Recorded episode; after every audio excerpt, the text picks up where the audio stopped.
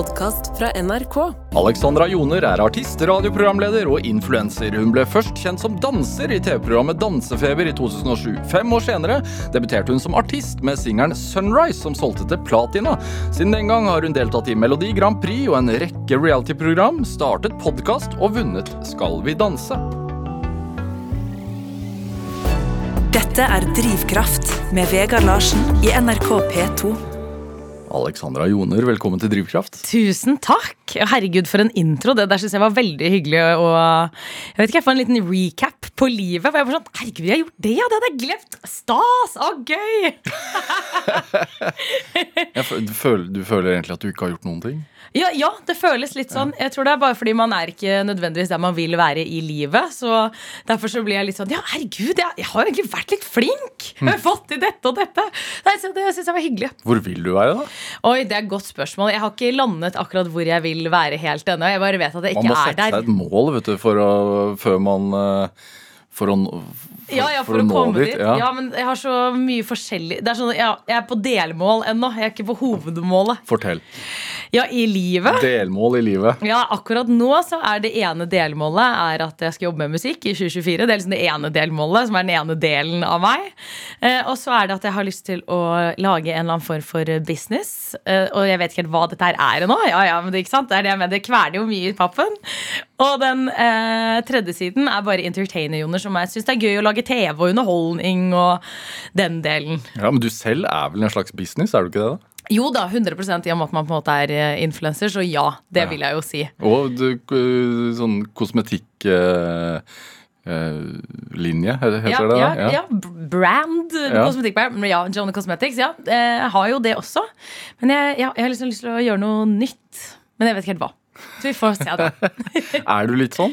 Ja, ja, ja veldig. Jeg tok- Veien blir til mens man går, liksom? Ja, og så tok jeg sånn der personlighetstest, som sikkert alle gjør en eller annen gang i løpet av livet. Og da fant jeg ut at jeg var eh, Hvilke farger jeg tok i sånn, eh, den personlighetstesten hvor man er farger. Og da mener jeg, hvis jeg nå ikke husker feil, for jeg har tatt flere personlighetstester, så hvis jeg nå husker den riktig, så var jeg en gul person. Og gule personer var veldig flink til å sette i gang ting. Sette i gang ting. Var liksom en igangstarter. Og når du har fått det opp å stå, da syns jeg ikke det er like stas å liksom opprettholde Nei. Så da trenger jeg en annen personlighetstype til å liksom være bautaen. Og det, etter at jeg tok den personlighetstesten, så var jeg sånn Herregud, det stemmer så sykt, for jeg er en master på å begynne ting. Altså, Hvis jeg får en god idé, gi meg en telefon, så har jeg ringt hele verden og satt i gang et spetakkel og vært sånn Ok, nå bare gjør vi det. Som for eksempel Eh, Nei, For eksempel med podkasten som jeg har med en venninne av meg. Det begynte jo også på sånn Not your babe. Not your babe. Yes. Det begynte med at vi begge to hadde kjærlighetssorg. Ja. Og så satt jeg bare sånn Herregud, vi burde jo bare hatt en podkast. Og så bare sånn vi må jo bare lage den podkasten. Ringte David Eriksen. Jeg bare, Hei, du, vi har en kjempegod idé. Bla, Altså bla, bla. manageren, eller han som driver managementet ditt. Ja, han som er manageren min. da Ringte han, og han var sånn Ok, men hva er ideen deres? Det finnes jo 100 podkaster der ute. liksom Og så satte vi oss ned, lagde egentlig et skriv på de ti første episodene og var sånn Dette er det vi prater om! Første episode, boom! Andre episode, boom! Og så plutselig satt vi der og hadde egen podkast. Hva, ja, hva var egentlig ideen, da? Altså, ja, en podkast om kjærlighetssorg som etter første episode skal handle om Uh, ja, uh, podkasten handler egentlig om hvordan eh, komme seg over et brudd, og hvordan det er å være i et brudd, og hvordan det er å date etter et brudd. Så det skulle egentlig bare handle om veien. For vi tenkte sånn, herregud, alle opplever dette her en eller annen gang i løpet av livet.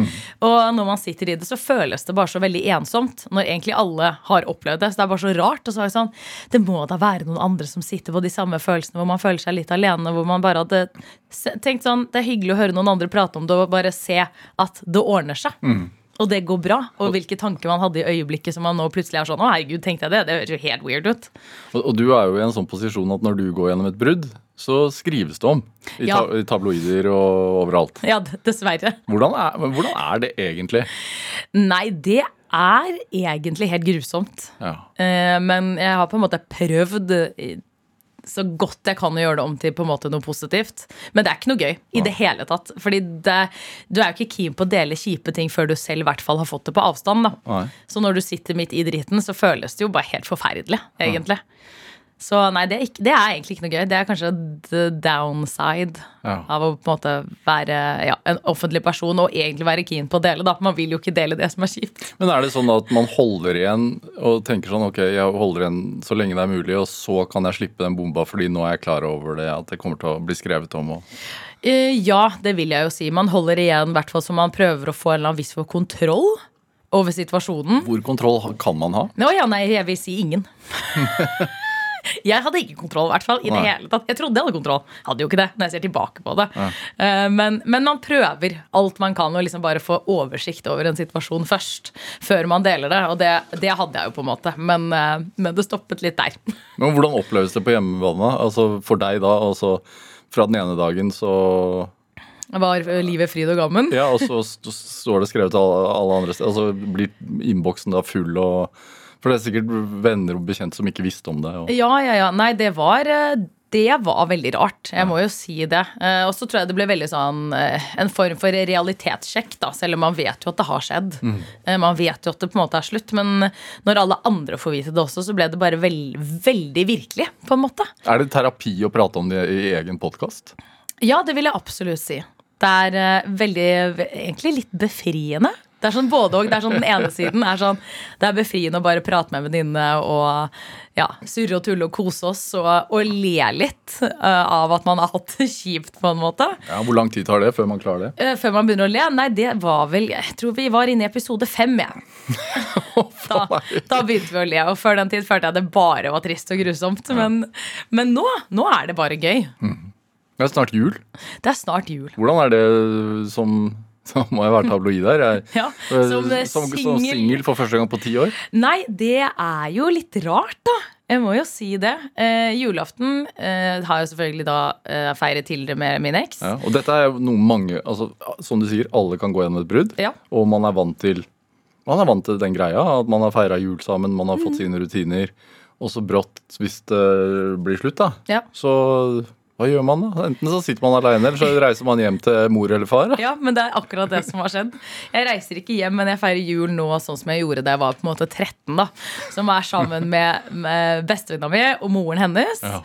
Og så er bestevenninna mi kjæreste, så han blir da med. Og så blir det min mor og meg. Så nå er vi liksom back to Back to how we used to do it. Ja, Hvordan er det, da?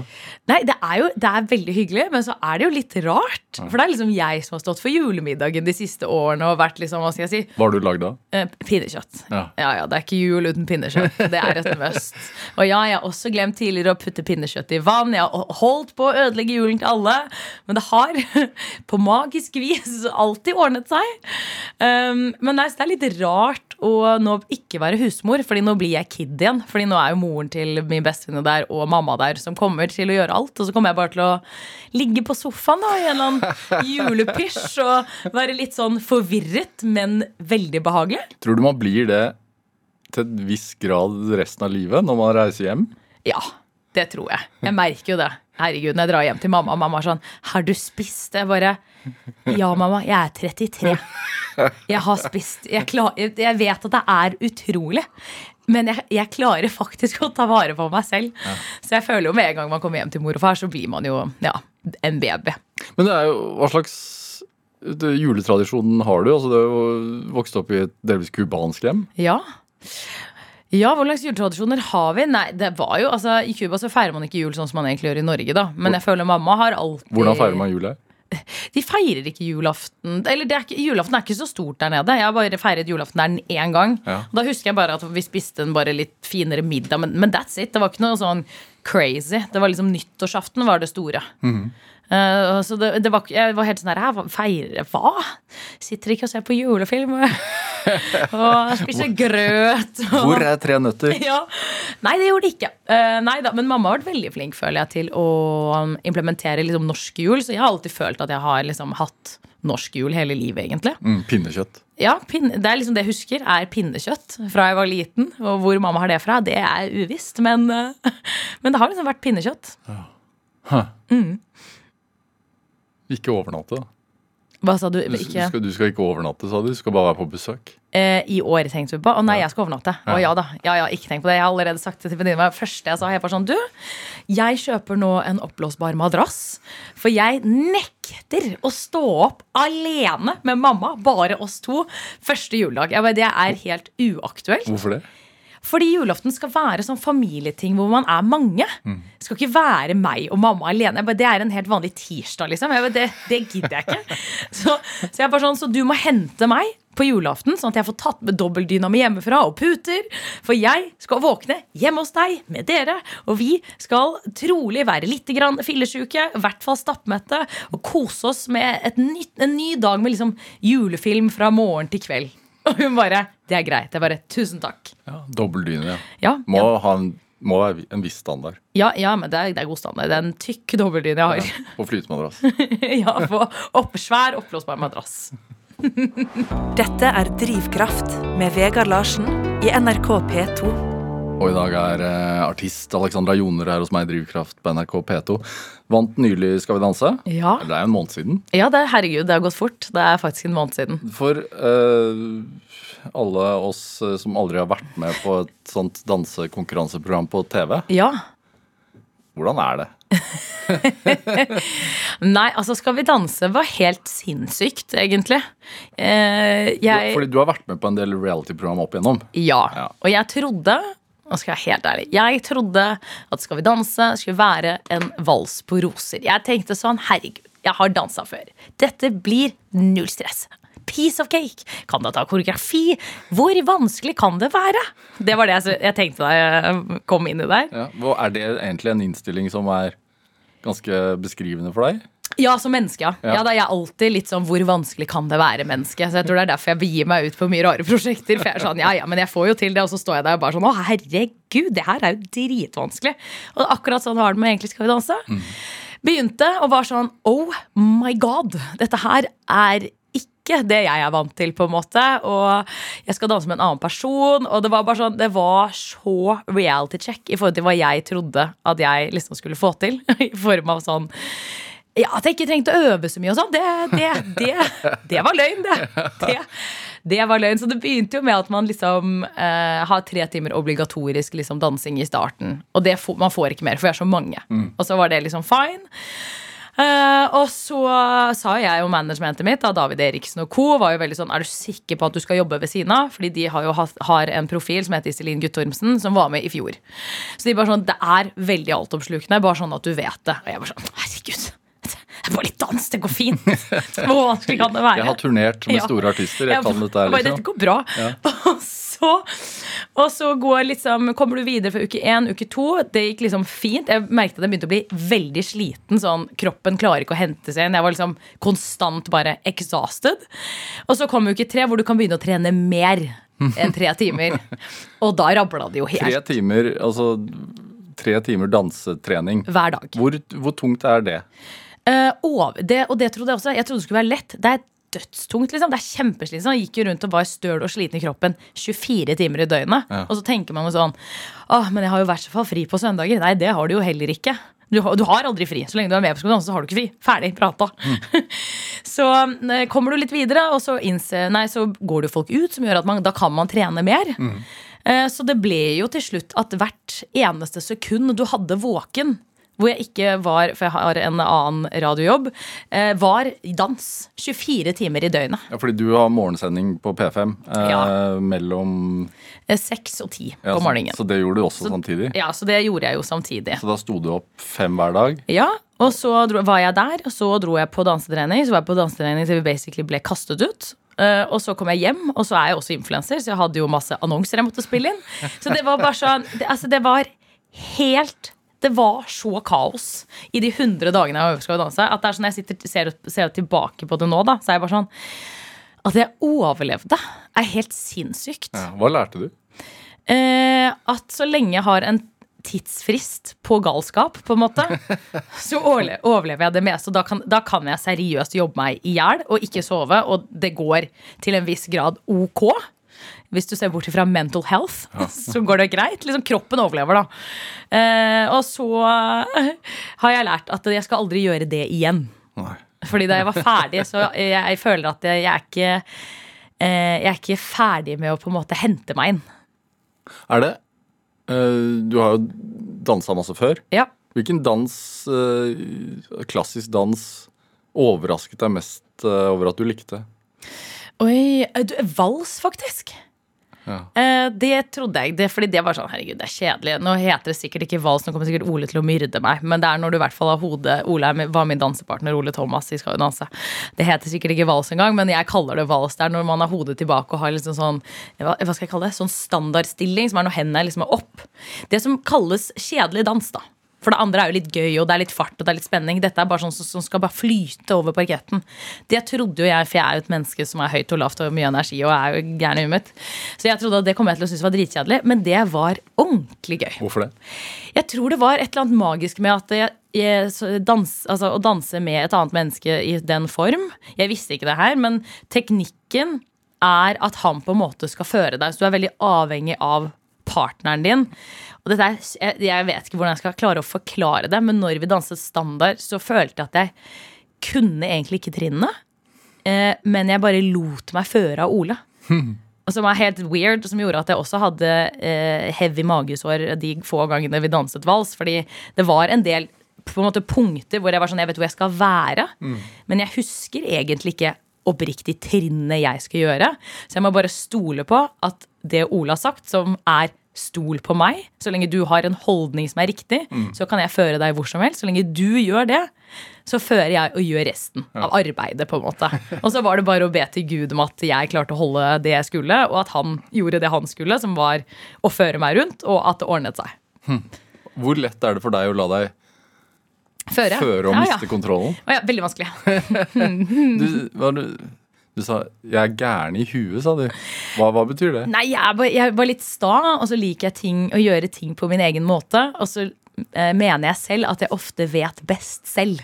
Det er jo ikke at du er gæren i huet. Nei da, men når du skal inn i en dansekonkurranse hvor du ikke vet hva du holder på med, og så begynner jeg også å kjefte på min dansepartner, for jeg mener at vi skal gjøre det sånn her. Hvor han er sånn Men hva, du vet jo ikke hva du prater om. Og så er jeg sånn Nei, men jeg føler fortsatt at dette er best.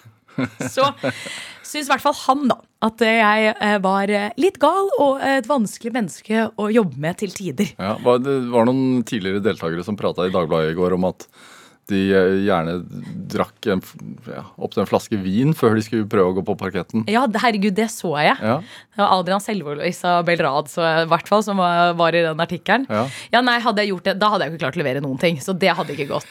Eh, jeg, eh, jeg drakk ganske mye da jeg vant Skal vi danse, og skulle da prøve å gjøre den ene dansen jeg og Ole vant med.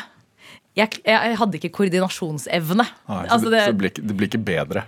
Eh, Ikke for meg, i hvert fall. Det er fullt mulig at det funker for andre, men for meg så funker det på, helt motsatt, vil jeg si. Ja. Jeg ble en sånn potet. En overkokt potet som bare ble sånn slapp.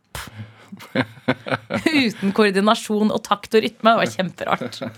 Eh, Alexandra Joner, vi skal spille litt musikk. Jeg tenkte vi skulle høre litt på um, Sunrise. Ja. Um, som var din debutsingel. Mm -hmm. uh, som kom ut i 2012. ja. Hva,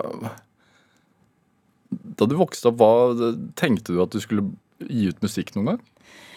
Altså, liksom både, både og litt, men i, altså ikke i starten. Helt i starten så skulle jeg bare bli hiphop-danser. Det var liksom, det var min drøm.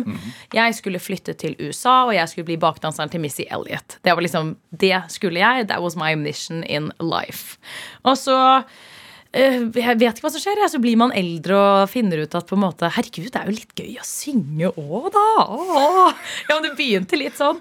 Synge hjemme i dusjen og liksom jeg Sang jo ikke foran noen. Det var mer sånn hjemmeprosjekt som jeg syntes var liksom stas når man er kid. liksom. Og så var det mamma som meldte meg på et talentshow eh, som het Grease. Som var sånn sang, dans og teater, hvor de skulle finne den neste Sandy og Danny. Skulle forestillingen da bli satt opp i Hvor gammel Oslo var du da? Da var jeg 17 eller 18. Året jeg fylte 18. Som mora di hadde tro. Mamma, ja, mamma har alltid vært en mamager. Altså, alt jeg har gjort, er av mamma. For hun har meldt meg på alt. Ja. Så jeg hadde ikke vært her uten mamma. Det er i hvert fall helt sikkert Så hun meldte meg på Grease og var sånn Jeg vet at du egentlig vil synge. Alle foreldre tenker jo at barna er unike og Ja, ja. har talent. Ja, men moren min er ganske streng også. Det var et, når jeg, jeg, har, jeg har tatt gjort dårlige ting òg. Trust me, jeg får høre det. Mamma er ikke sånn 'Oh my God, du er så flink alltid'. Hun er sånn 'Nei, det må bli bedre. Det var dårlig. Du må jobbe med, på det og det og det'. Og jeg bare 'Å, gud, kan, kan du ikke bare være en vanlig mamma og bare si at det, det var bra'? Jeg kan alltid Jeg, jeg faktisk vil høre din eh, ærlige mening om eh, mine performances. Noen ganger vil jeg faktisk at du skal lyve til meg, mamma. Men hun meldte meg da i hvert fall på Grease. Og så, Det var egentlig første gang jeg sang foran noen andre enn på en måte meg sjæl og mamma. da Og så gikk det veldig bra. Så jeg kom jo til semifinalen, tror jeg. Og da var jo sånn, det ga jo noe veldig blod på tann. da Mersmak. Ja. Veldig mersmak. Så det var på en måte ja, litt sånn det hele begynte. Hvor jeg fant ut av sånn, oh my god, det er jo ikke danse jeg skal, jeg skal jo synge. Ja, skal vi høre litt? Ja.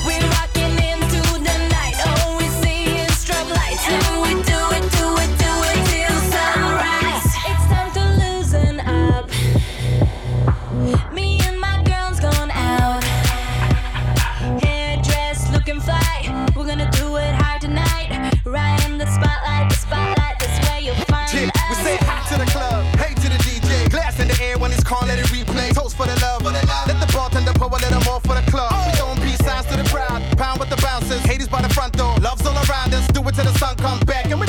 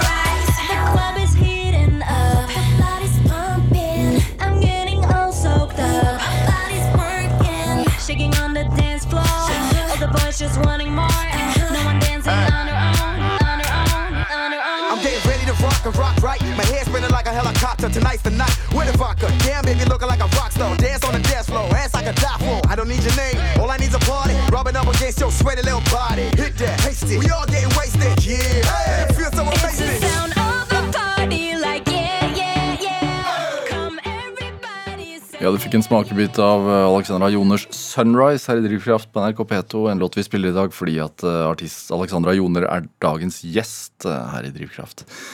Det eh, hørtes jo nå ut som at det bare var å melde seg på Grease, og så brått en stund etterpå så får man en det singel. Men, men hvor mye hardt arbeid lå uh, bak å få gitt ut dette her? Nei, altså jeg var jo liksom med på Grease, og så uh, skjedde det jo på en måte egentlig ikke noe mer, sånn egentlig. Så jeg, altså det eneste som visste at jeg nå var keen på å fortsette å synge, var jo på en måte mamma. Eh, og så har jeg på en måte alltid vært god på å drømme stort, da. Så jeg var jo sånn, herregud, jeg skal jo til USA. Jeg skal jo ikke være i Norge, jeg. Men det, det, Var dette her før eller etter Dansefeber? Eh, Etter Dansefeber. Og Grease var også etter Dansefeber. Så da stikker jeg igjen da til USA, men med ny drøm. Og nå skulle jeg synge. Jeg har ikke spilt inn en vokal, jeg har aldri vært i et studio. He La oss bare være ærlige. Egentlig ganske delusional. Eh, men et sånt pågangsmot da som jeg, eh, jeg føler veldig mye unge folk har, hvor du er ikke så konsekvenstenkende. Du bare tenker 'dette er det jeg vil', og så bare gønner jeg på, og så har du ikke noe plan. Da reiser man til Los Angeles, da. Ja, ja, det var det jeg gjorde. Jeg booket meg billett til LA, for der bodde min bestevenninne Mona. Og, for hun danset jo Altså Mona der. Berntsen. Mona Berntsen, ja. Ja. Siden hun danset jo der. Og så da var jeg sånn Herregud, jeg bor hos deg på ditt rom, liksom. Skal være der i tre måneder uten en plan. Altså, det er jo helt, Når jeg sier det høyt nå, så er det bare helt galehus. Men så kom jeg dit. Hva og- hadde du med deg? Eh, Nei, en koffert full av klær, da, for jeg har jo alltid vært glad i klær. Så mye klær, mye sminke og litt, og litt hårstæsj, liksom. Eh, og så drar jeg ned dit, liksom snakker litt med mamma. og Mamma bare sånn Du, jeg kjenner en produsent som eh, bor i LA. Kanskje du skal liksom møte han, så kan sikkert han introdusere deg til nye mennesker. Endte opp med å møte han, eh, og han viste seg å være veldig flink og veldig ålreit. Og eh, så ålreit at eh, det var med han jeg endte opp med å liksom spille inn mine tre første demoer. Ja. Altså Det her er så random. I USA med bare sånn fantastisk flinke mennesker. Det er ikke med hun lille bøtteknotten fra Norge og er sånn Ja, dette har jeg aldri gjort før, jeg, men det, er- det er fett da, folkens! Så jeg fikk liksom spilt inn tre demoer, som var liksom, syns i hvert fall jeg. Nå har ikke jeg hørt de på 100 år, men der og da så tenkte jeg sånn Herregud, dette er jo dritbra. Høres skikkelig proft ut. Og så på Hva sier man da? Altså sånn uh, Yes, my name is Alexandra. I have a dream. Uh, I want to be an artist. Ja. Ja. More or less, eh, for å være helt ærlig. Og så Jeg var jo ikke Altså, jeg, jeg var jo egentlig ikke noe spesielt god til å synge. Jeg var ikke noen maskin, men jeg tror bare det er noe med det der pågangsmotet som jeg tror bare får deg veldig mange eller fantastiske steder. Fordi jeg var på sånn Jeg skal ikke gi opp, på en måte. Hvor, altså, det, det pågangsmotet, det at ingenting er umulig, Ja, eh, som du da har fått gjennom mora di, da. Det må jo være det. Hvorfor har hun det, tror du? Eh, Det er jo et veldig godt spørsmål, men det kanskje fordi at hun kommer fra Cuba og kommunisme er vant til at der er alt umulig. Og så kommer han til Norge, og så er det plutselig alt mulig. Men det er jo litt sånn, pappa også er jo musiker, så jeg føler han også har et sånn pågangsmot hvor jeg vet ikke, Kanskje det er en familieting. At uh, her skal du få lov til å gjøre det du vil, for ingenting er umulig. Hva var hun fortalte deg om hvor strengt det var på Cuba? Hun har egentlig ikke fortalt sånn veldig mye, for hun er fortsatt veldig mamma. og Jeg er av en veldig mystisk grunn veldig bekymret for at eh, jeg ikke tåler å høre disse historiene. Men jeg har fått liksom drypp om at mamma var en liten rebell og har sittet litt i fengsel, tror jeg, eller blitt tatt liksom på glattcella fordi hun har protestert litt, og du fikk liksom ikke lov til å gjøre det du ville gjøre, da.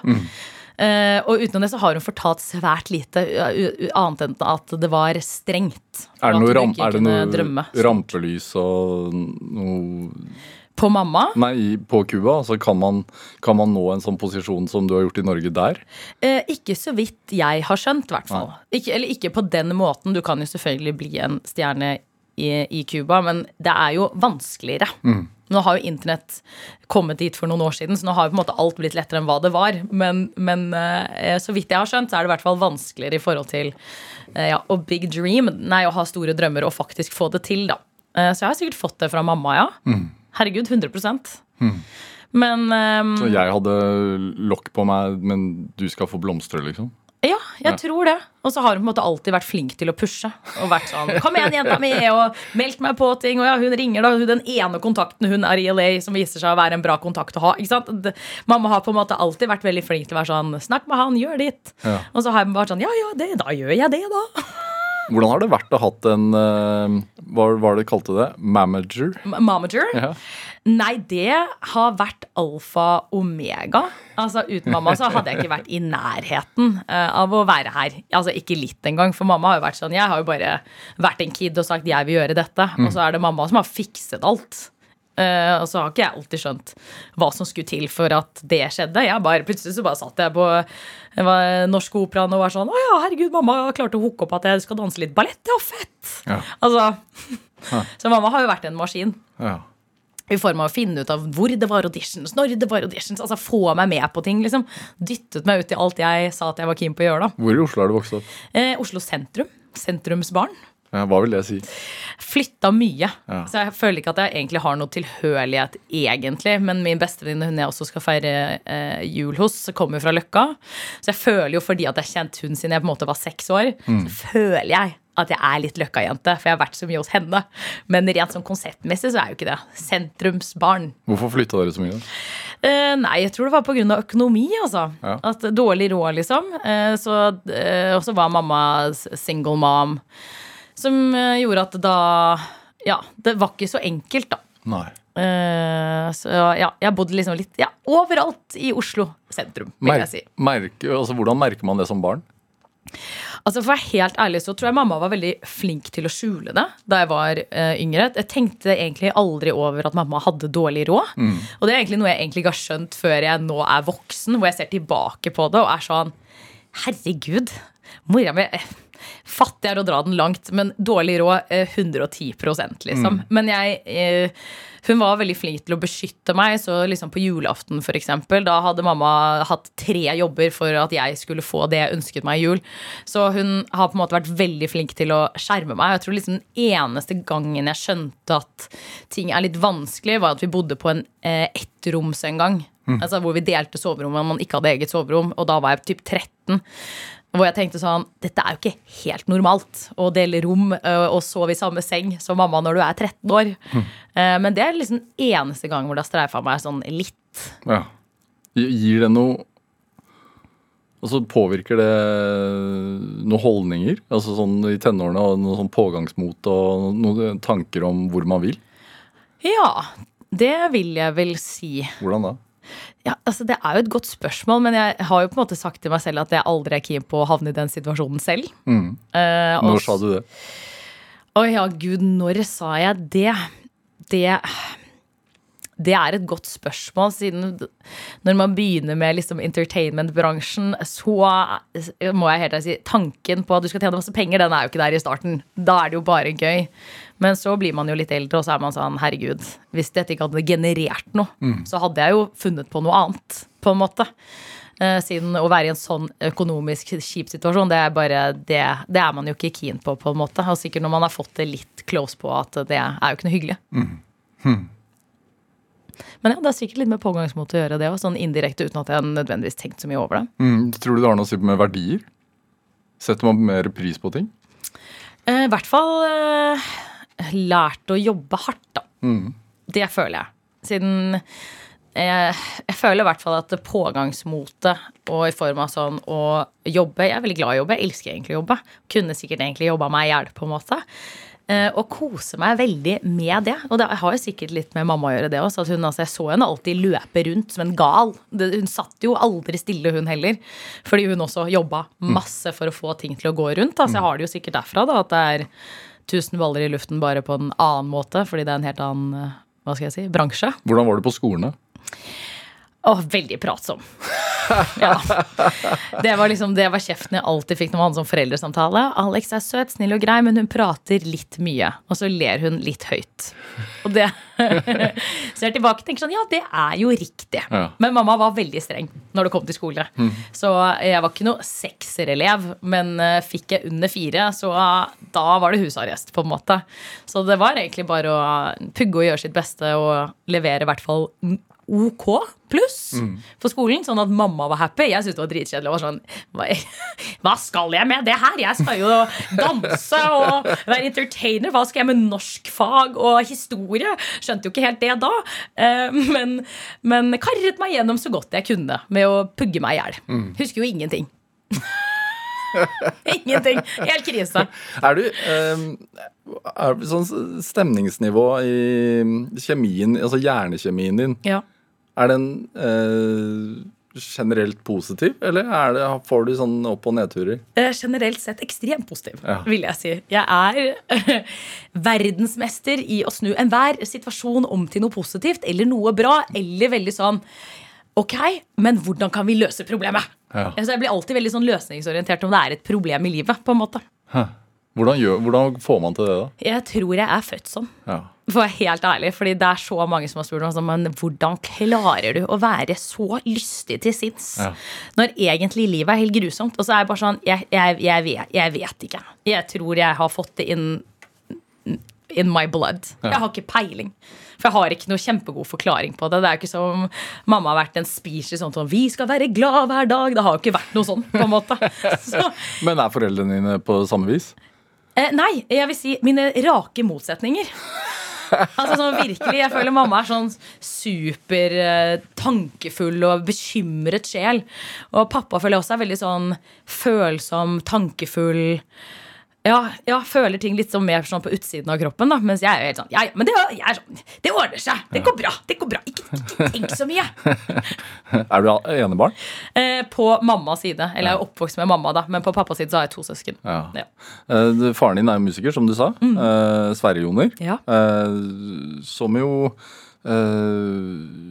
komponist. Ja. Eh, ganske anerkjent, eh, og, og også innenfor latinamerikansk musikk. Ja, En råtass, vil jeg si at han er. Ja. Hva, er det, har han hatt noen påvirkning på musikken din? Altså, han eh, Han har jo eh, eh, sendt meg på piano, for han er jo pianist, eh, da jeg var liten. Eh, Liten kid, eh, som jeg syntes var gøy i starten. Og så blir man jo litt eldre, så var jeg sånn ah, Piano er ikke så Det er ikke noe for meg. Men så ville jeg også gjøre Hva spilte gjøre du da? klassisk? Eh, for- altså, Jeg var barnebarn, altså. Under ti. Så jeg husker ikke akkurat hva jeg spilte. Jeg tror ikke jeg var noe pianogeni. Mange år husker du tilbake av gangen? Føler sånn alt eh, før sex husker jeg ikke så mye av. Men nei, jeg, hva jeg spilte Jeg tror ikke jeg var noe pianogeni av korte fingre. Det liksom Det, det var nok ikke my eh, path in life. Nei, Men klassisk musikk generelt, da? Elsker klassisk musikk. Og jeg synes det er helt nydelig Men jeg, ofte når jeg hører på klassisk musikk, så blir jeg så gira, så jeg orker ikke å høre på det. Fordi jeg får så lyst til å liksom eh, eh, løpe. Eller liksom bevege meg til takt med, Ja. med liksom fioline. Så hvis fioline er veldig mye liksom, tørre, tørre, tørre, så, så jeg klarer ikke å sitte stille. Ikke noe som Mozart på tredemølla? Ja, jo, på tredemøllen funker det, men det er ofte man liksom er sånn Å, jeg setter på klassisk musikk for å liksom slappe av hjemme. Ja. For meg så har det, det den eh, virkelig motsatte effekten. Det klikker helt. Så det kan jeg ikke høre på, faktisk. Nei. Men, men er det den musikalske biten der, altså har det eh, Som du sa, du var på operaen i ung alder, og så har det ført deg inn i, i den delen av musikken? Mm, eh, ja, altså jeg tror på en måte jeg har jo hørt mye på pappas min musikk, og han har jo spilt eh, både eh, latin, men også liksom tango. Så jeg har jo fått liksom, hva skal jeg si, instrumenter og eh, ja, sånn type musikk. Det har jeg nok fått under ja, inn med morsmelka. Eh, så det er sikkert derfor jeg er glad i ja, musikk uten tekst, I guess. Uh, så definitivt, herregud. Og så har jo jeg og pappa samarbeidet litt på noen låter, som har vært veldig gøy. Så ja, man skulle jo tro at på en måte latinske greiene mine at det kommer fra mamma, men jeg føler pappa Ja, han er norsk, men han er på en måte like mye latinamerikaner som det mamma er, føler jeg, om nesten ikke mer. Hvorfor er han det? Nei, det er jo fordi at uh, han dro jo til Cuba da han var hva da, 19. Fordi han ville studere salsamusikk, liksom. Så han, eh, han har liksom Jeg vet ikke, han har bare alltid vært for meg latinamerikansk. Selv om han egentlig kommer fra Bergen. Han kan mer om det enn de fleste eh, latinamerikanere, kanskje? Ja, ja, helt, altså en råtass, liksom. Han kaller seg selv for et hva blir det? Et vrengt kinderegg. Altså hvit på utsiden, men på innsiden så er han en uh, mørk latinsk mann som heter Juan, liksom. Og det, det stemmer. Ja. Så sykt. Hva vil det si i forhold til oppførsel? Er det da Ja, han er jo helt latinamerikaner, føler jeg, i oppførsel også. Så ja, ja, ja. Um, Du sa dere har samarbeida. Ja. Siden det er jul, så har jeg dratt fram en, en gammel låt dere har lagd sammen. Eh, Hovedøen Social Club, da, som er bandet til faren din, Ja, helt riktig. eh, som spiller Eh, altså, Hvor slags type musikk? Ja. Eh, salsa music. ja. Og så har dere lagd en cover på Santa Baby Ja. med deg på vokal. Ja, med, altså, det er ordentlig salsa. Hvordan var det å spille inn dette her? Du, det var faktisk, for helt ærlig så var det litt rart. Fordi Santa Baby, den, er- it's, it's a sexy song. Ja. Eller den skal synge sexy. Så da sitter jeg og pappa i studio, og han liksom er sånn Ja, dette er liksom eh, instrumental. eh, Kan du teksten? Så jeg bare ja, kan teksten.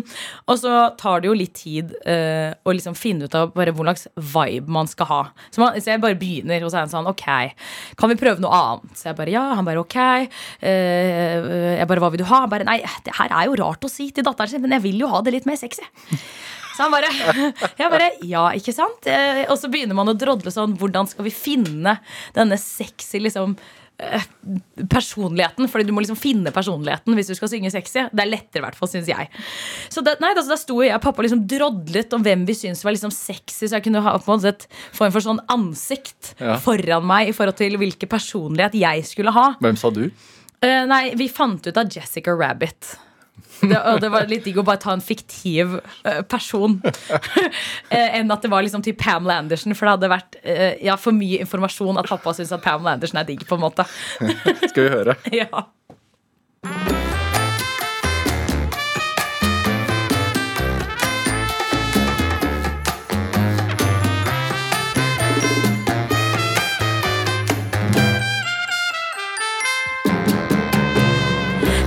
Santa baby, sable under the tree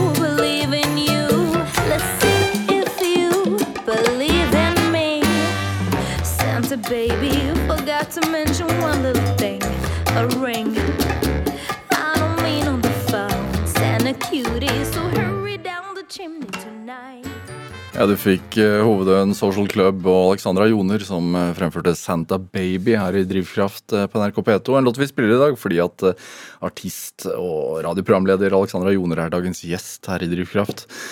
Eh, Vi snakka så vidt om uh, Sunrise, eh, debutsingeren din. Ja. Uh, solgte til platina. Ja, Eh, gikk veldig bra. det gikk kjempebra. Eh, og etter det så har du gitt ut eh, ni singler. Nei, Ikke sant? Du har bedre kontroll enn det jeg Noe har. sånt. Noe i den duren. Og, og vært med i Grand Prix, Melodi Grand Prix to ganger Ja, med musikk. Men det er ikke så veldig mye på Ti år. 13 år. Herregud, 13 år, ja. Jesus Christ. Ja. Hvorfor ikke mer?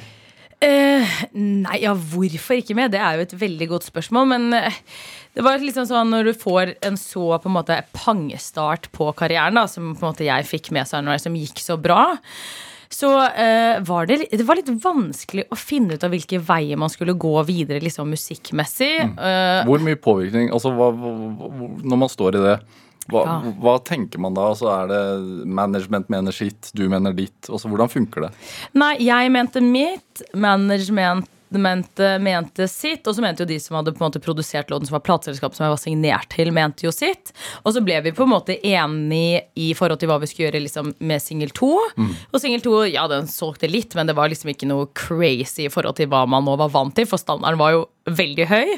Og så ga vi ut én singel til, og så ga vi oss, altså så gikk vi tre liksom vi sa ja, takk for oss, på en måte. Fordi vi følte ikke at eh, samarbeidet funket eh, lenger. Og så var det bare veldig vanskelig å da finne ut av, eh, av hvordan jeg skulle liksom For det første gjøre ting. eh, Fordi det er vanskelig å komme seg opp. Du har begynt på topp, og så har det gått litt nedover, og så skulle du liksom prøve å komme deg opp igjen. Så jeg har bare brukt sykt lang tid på å skjønne Det høres jo helt weird ut, men skjønne eller forstå hva jeg selv var keen på å gjøre. Hva var det? jeg? Prøvd, nei, jeg har jo prøvd mye forskjellig i forhold til hvor slags musikk jeg vil lage og, og herja og styrt. Men det har på en måte ikke vært så mye med en purpose mer enn at herregud, men det er jo dette jeg har gjort, så det er jo dette jeg må fortsette med. Mm. Uh, uten at det har vært en veldig sånn klar plan. Uh, så jeg tror det er derfor det har vært så uh, Hva skal jeg si lite. Eh, fordi det ikke har på en måte Det har vært ja, en klar plan, eller også en meningsfull plan bak det, da. Siden man må på en måte ha en Uavhengig av hva purposen er, men man må ha en eller annen form for purpose i hvorfor du er keen på å lage musikk. Og jeg tror ikke jeg hadde den i egentlig veldig, veldig mange år. Nei. Jeg visste ikke helt Eller da blir man veldig sånn rådvill på hva man vil, og da sier man liksom ja til litt her og litt der, og så blir det litt sånn en der, en låt der, og en låt der, og en låt der. Ja. Litt lok, da, om jeg kan kalle det på den Ja, siden. ja, Men hva er det som uh, har vært driveren? Har det vært å ikke nødvendigvis det å lage musikk, men heller det å opptre? Ja, så det, det var jo på en måte det jeg fant ut også along the way. Ja. Fant jeg jo ut av Å ja, herregud, ok, men det er kanskje ikke liksom ren sanger jeg er. Eh, Jeg er vel mer en person som liker å stå på scenen og entertaine. Men det her har jo tatt meg hva da, 13 år å skjønne. Fordi man var så fast bestemt på Men herregud, jeg har gjort dette, og dette har funka. Hvorfor skal jeg nå gjøre noe annet? Eller eh, hvorfor skal jeg begi meg ut på noe som, eh, som jeg ikke vet liksom helt hva er? Så det har bare tatt meg veldig lang tid å skjønne at uh, det er jo en entertainer jeg på en måte er. En, en hva skal man kalle det? En pakke. Hva, hva er det, da, i dine øyne? En entertainer? Eh, nei, det er jo veldig vanskelig å forklare. eh, for jeg føler at det, det må på en måte bare Jeg vet ikke, eh, ses eller oppleves. Det høres enda sykere ut. Takk for meg. Men nei, ja, hva er en interchain, og hva er en pakke? Det er jo bare at man kan mer enn én ting, på en måte. Hva, er det godt nok forklart? Nei, men altså, du uh, var uh, programleder på Vixen Awards. Ja. Uh, og, og, og fikk du ut entertaineren i deg der? Ja, ja, ja. ja. Om jeg gjorde. Ja, På hvilken Koste måte? meg. Nei, det er, jo, det er jo det at man er glad i å stå på scenen, da. Ja, hva det er jo en form for sceneting som jeg har funnet ut at I, I love the stage, Hvor, liksom. hvorfor det? Hva er det du får ut av det? Eh, nei, jeg tipper at det, er jo sikkert en sånn eh, et lite ego i meg som blir tilfredsstilt. At eh, man får jo en, en an anerkjennelse da på at det du gjør er bra. Når noen gir deg applaus eller ros eller eh, noe. Og så er det bare i veldig stor grad fordi jeg må liksom gjøre det foran veldig mange mennesker. At jeg ikke bare kan trives med å få en klapp på skulderen av en sjef, på en måte. Eh, så det er nok sikkert noe sånn egogreier, men samtidig på en eller annen mystisk måte så føler jeg at det er det jeg er født til å gjøre. Jeg er liksom, jeg er liksom født til å underholde folk. Det, det er my purpose in life. Og så kan man jo underholde på veldig mange forskjellige måter, og så er det bare å prøve å finne ut av eh, akkurat hvordan man skal gjøre det. Men der føler jeg at jeg er litt sånn flytende. Litt potet. Jeg syns liksom alt er veldig gøy. Syns det å være programleder hysterisk. Noe av det gøyeste jeg har gjort i hele mitt liv. Syns det å opptre med liksom sang er kjempegøy. Elsket Skal vi danse. Altså, så jeg har funnet ut bare at jeg er en entertainer på godt og vondt 110% uavhengig av hva jeg begir meg ut i. Har du opplevelser i livet der du har følt eh, at du ikke ble sett? Altså, Jeg burde jo sikkert ha noen traumer som jeg ikke har gravd i. Om at eh, jeg er sånn, jeg må stå på scenen og bli sett for å være lykkelig. Så det er jo sikkert noe jeg har begravd, da, som jeg ikke husker. Ja. Men ingenting jeg liksom kommer på sånn veldig sånn spesifikt, egentlig. Jeg er veldig flink til å ta et rom og, og, og, og ta plass hvis jeg vil ha oppmerksomhet, på en måte. Hvor, hva er det beste med oppmerksomhet? Altså ikke Ja, hva er det beste med oppmerksomhet? Jeg vet ikke. Det er, det er vel den anerkjennelsen på at det du gjør, er bra, da. Ja. Fordi du har vært med i TV-programmet Bloggeren i mange år. Ja. Og, og der utleverer du deg selv Ja. eh, foran kamera På godt og vondt, si. gjennom flere sesonger. Ja, ja, ja. Så, Men det, sant, det er jo det er også sånn entertaineren inni meg. Jeg synes jo det er gøy å bju- Jeg er en person som er glad i å bjuda på. Ja. Uavhengig om det på en måte er på en scene. Det er jo hjemme Når jeg er med folk, så blir jo jeg hun som er sånn Ja, folk, ikke sant? Jeg blir hun som alltid skal dra en vits, eller få noen til å le, eller komme med en artig historie. Eller det er liksom Det er bare sånn jeg er som menneske. hvor mye er planlagt? Ja, jeg har svært lite. jeg, jeg kunne jo ønske Jeg, jeg misunner jo alle mennesker som er skikkelig planlagt. Er sånn, Dette er min plan, og nå har jeg liksom Step én av planen, nå er det to-tre, og jeg er bare helt jeg er så fryktelig go with the flow og ikke planlegger av meg. Og det er vel derfor eh, det blir litt kaos noen ganger, men sånn koselig kaos, som jeg kaller det. Kosekaos. Eh, Men det er nok fordi at jeg er et ja-menneske, sier ja til altfor mye, og så tenker jeg at eh, ting ordner seg. På en måte. Og det gjør stort sett det. Hva er det verste som kan skje?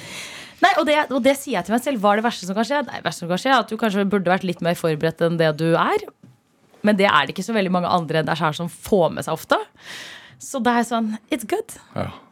Er det Gjør det det enklere også? Det at man, ja, da, da er det greit. Da må jeg feire jul med mamma igjen.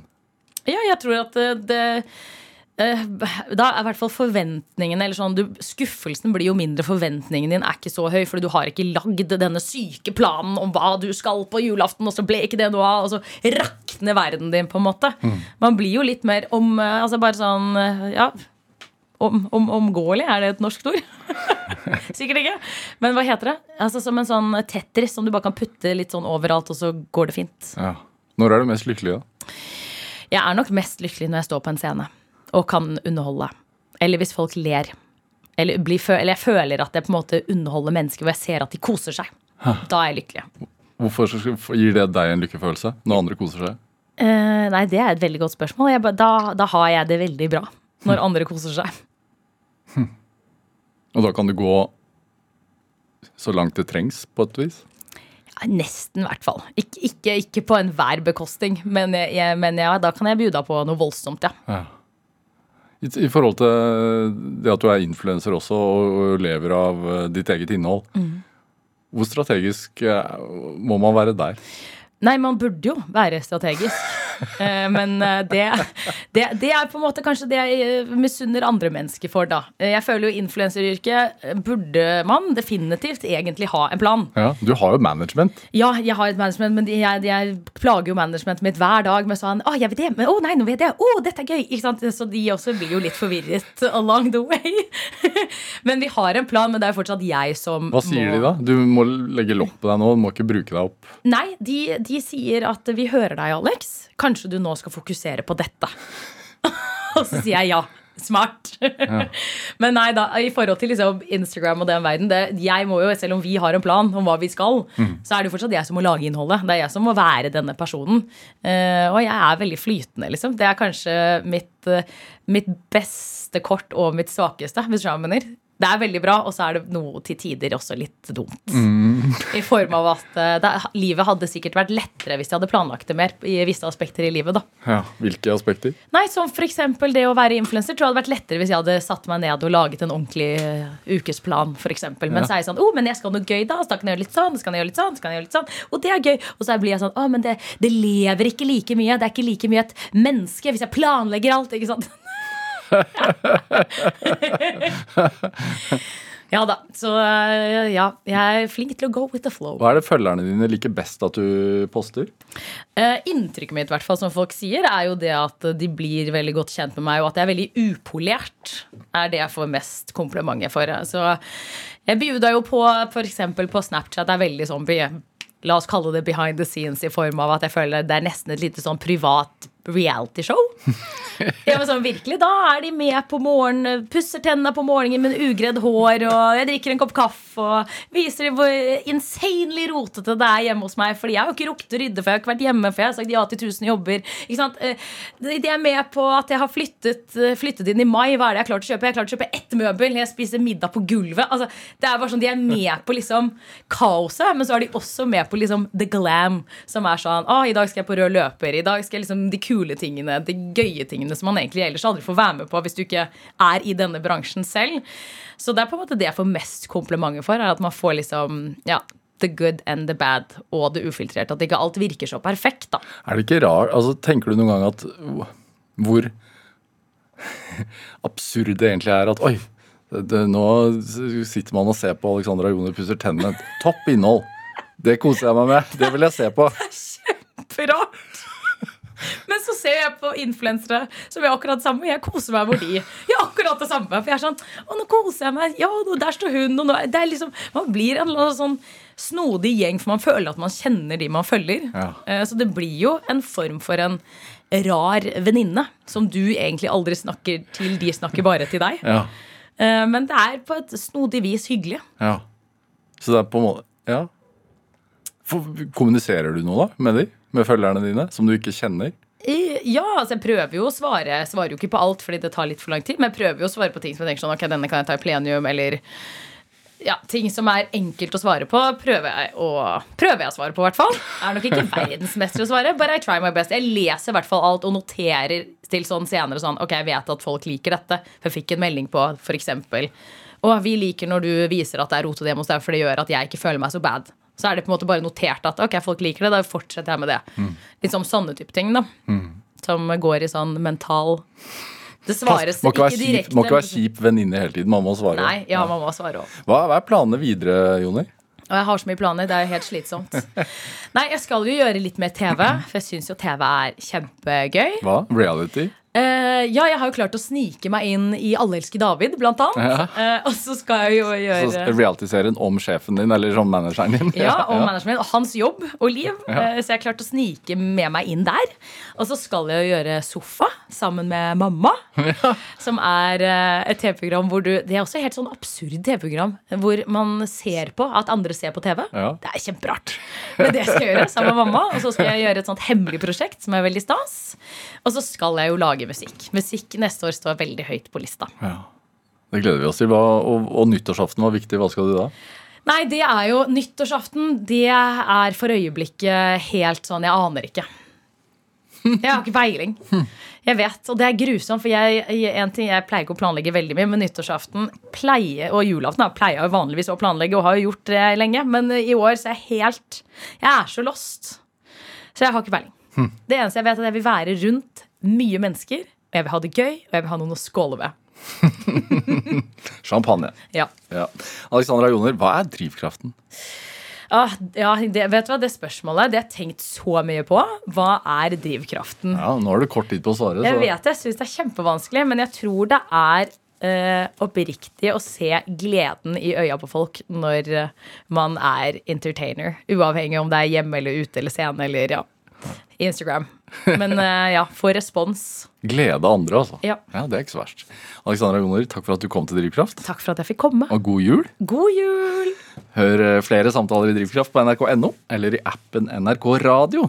Send oss ris eller ros, og også tips til mennesker som du mener har drivkraft. Send en e-posten til drivkraftkrøllalfa.nrk.no. Vi hører veldig gjerne fra deg. Produsent i dag det var Kjartan Aarsand, mens Ådne Feiring bidro med research til denne sendingen. Men dette, dette var Drivkraft. Mitt navn er Vega Larsen, og jeg og Drivkraft-redaksjonen ønsker dere alle en god jul. Du har hørt en podkast fra NRK. Hør alle episodene kun i appen NRK Radio. En podkast fra NRK. Denne historien handler om pianisten og komponisten Maria Kandegård. Om musikken hennes, om livet hennes og om hjernen hennes. Plutselig så skjedde det et eller annet. Det var akkurat som at ingenting eksisterte. Hun var det enestående musikalske talentet som bare forsvant da hun var tidlig i 20-åra. Jeg tenkte at hele verden, at det var egentlig bare en drøm. Så jeg var en person i den drømmen. Men det var ikke min drøm. Hør pianisten i appen NRK Radio.